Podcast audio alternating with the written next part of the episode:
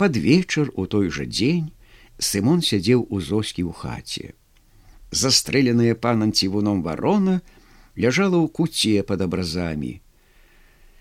Няхай пан Бог бачыць, як паны і панскія прыслужнікі крыўдзяць бедных людзей, сказала старая маці зоскі, А калі не заступіцца, дык буду сабе шукаць іншага мужыцкага бога, а гэтага яна показала рукой на абразы, па нам пакіну.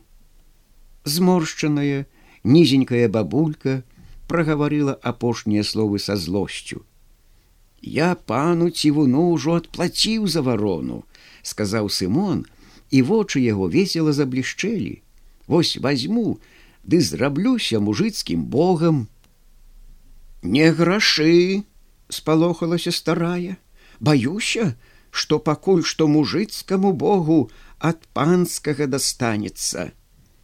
За мяне маці няма чаго баяцца, выкручуся з бяды. А пан цівун, напэўна, ногі выкруціў, як з коня зваліўся. Старая засмяялася, усхапілася і сказала: « А божачка, чаго ж я радуюся чужой бядзе? Такой бядзе грэх не радавацца, заўважыў Сымон. Зарабіў ты сымонка яечню за гэта. Старая зараз жа пачала раскладаць агонь на прыпечку, каб спячы яешню. На дварэ паўзлі змрокі, яны наліваліся цёмнай жыжай у шызыя цэбры паветра. Праз маленькія шыбіны змрокі ўрываліся ў хату, запаўнялі яе цямрыстай ватай, лезлі ва ўсе шчыліны. Агеньчык на прыпечку палаў. Жоўтыя языкі паміж дзвюх цаглін лізалі патэльню, на якой скварылася сала. Сымон зосій, сядзелі моўчкі, прытуліўшыся адзін да аднаго на тапчане пры стале. У іх ужо было вырашана ў каляды прасіць у пана дазвол на вяселле.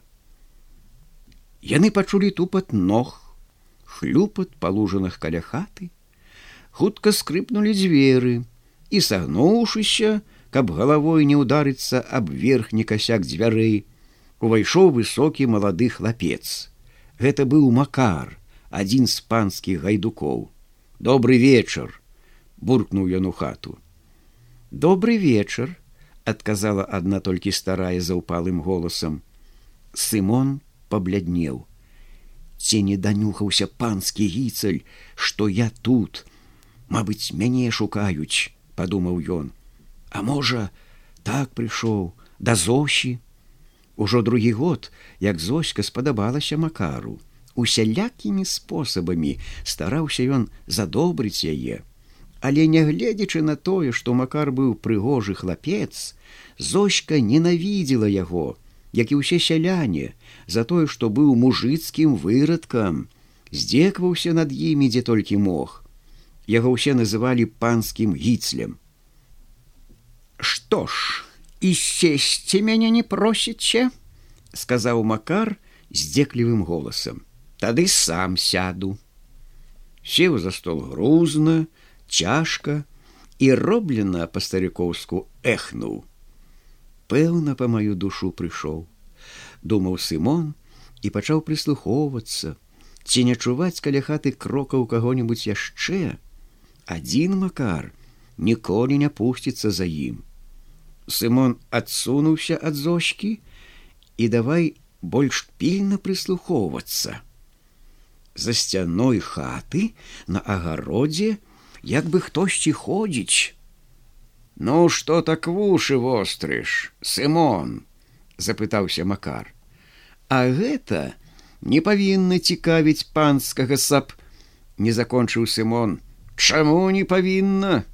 Павінна цвёрдым голосам сказаў макар і заскрыгатаў зубамі ад злосці ты не думай хамула что вырвешся з маіх рук хата абкружана цівун по тваёй ласцы выкруціў нагу як упаў з коня пан гэтага табе не даруе сымон маўчаў зочка і матка яе таксама як бы анямелі Яечня была готова, старая запаліла лучыну і палажыла белы абрус на стол.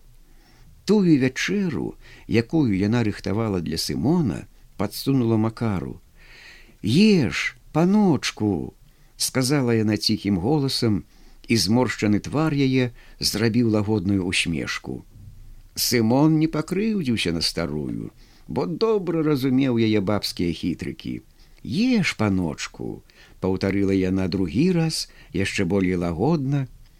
Ды я не галодны, аднекаваўся макар. Не павінен ты ганьбаваць маім хлебам соллю, саколік. Калі хочаш мець за жонку маю зочку, не адступала старая. Сымон уздрыгануўся. Мо старая гэта шчыра гаворыць. Макар з-пад лобку зірнуў на зочку і прыняўся за яду. Зоська яшчэ далей адсунулася ад Сымона і ціхенька зацягнула песню. У Сымона зрабілася цяжка на душы. Яго мала непакоіла тое, што за сцяной панскія гайдукі. Чорт іх нянчыў гэтых баб. Што гэта ў іх? Ці хітрыкі? Можа, сапраўды павярнулі ў бок панскага сабакі, паквапіліся на лепшае жыццё. Зоська зрабіла ласкавае вока да макара. Ён не здымаў з яе вачэй, трымаў лыжку ў руцэ так моцна, як бы рыхтаваўся стрэльнуць лыжкай у патэльню з яечняй. Ды ежа, еш каток, не адставала старая. У яе голасе звенелі ноткі любасці, крэўнасці, шчырасці. Эх, старая ведьма, падумаў Сымон. Макар прыняўся шчыра за яду, чаўкаў гучна, як жывёліна. Старая, завіхалася каля яго, круцілася ў юном, спрытна паказваючы за скарузлым пальцам на смачнейшыя кавалкі сала ў патэльні. Сымон кожны раз, як толькі макар браўся за новы кавалак, думаў: давіся, давіся, панскі гіцаль. Апетыт у макара рос. Ён увесь аддаўся ядзе. Аднак з-пады лба кідаў погляды на сымона і зочку. Яна стаяла пры лучыне, папраўляла яе, мармычучы сабе пад нос песню. Дым ад лучыны е ў вочы, запаўняў хату лёгкім туманом, На сценах мітусіліся людскія цені, яны ківаліся, вялізныя, нехлямяжныя, як малпы. Давіся, давіся, хацеў крычаць Сымон, Макар еў самым спакойным чынам, спацеў, расчырванеўся, раптам звярнуўся да Сымона. Ведаеш, што Сымон, выйдзеш сухім на гэты раз, калі я захачу, уцячэш, толькі, толькі вось што. Усе трое напружана паставілі вушы. Ты раз назаўсёды, павінен адмовіцца ад зочки сюды не хадзіць сымон крыва усміхнуўся падышоў до макара палажыў яму руку на плячо моцна палажыў як жалезную булаву. Ляск пачуўся. У макара вочы крывёй наліліся ведаеш што макар сказаў сымон ад зочки адмовіцца павінен ты панскі гіцаль Голас яго быў да таго падобны да голасу панскага гайдука, што здаваўся водгаласкам макара. У дадатак Сымон плюнуў макару ў самыя вочы і кінуўся да дзвярэй. Лавіце яго, трымайце Сымона! Не сваім голасам крычаў макар. Ён нават забыўся выцерці твар. Каля дзвярэй крычалі людзі, барокаліся з Сымонам, старая і зочка анямелі ад страху.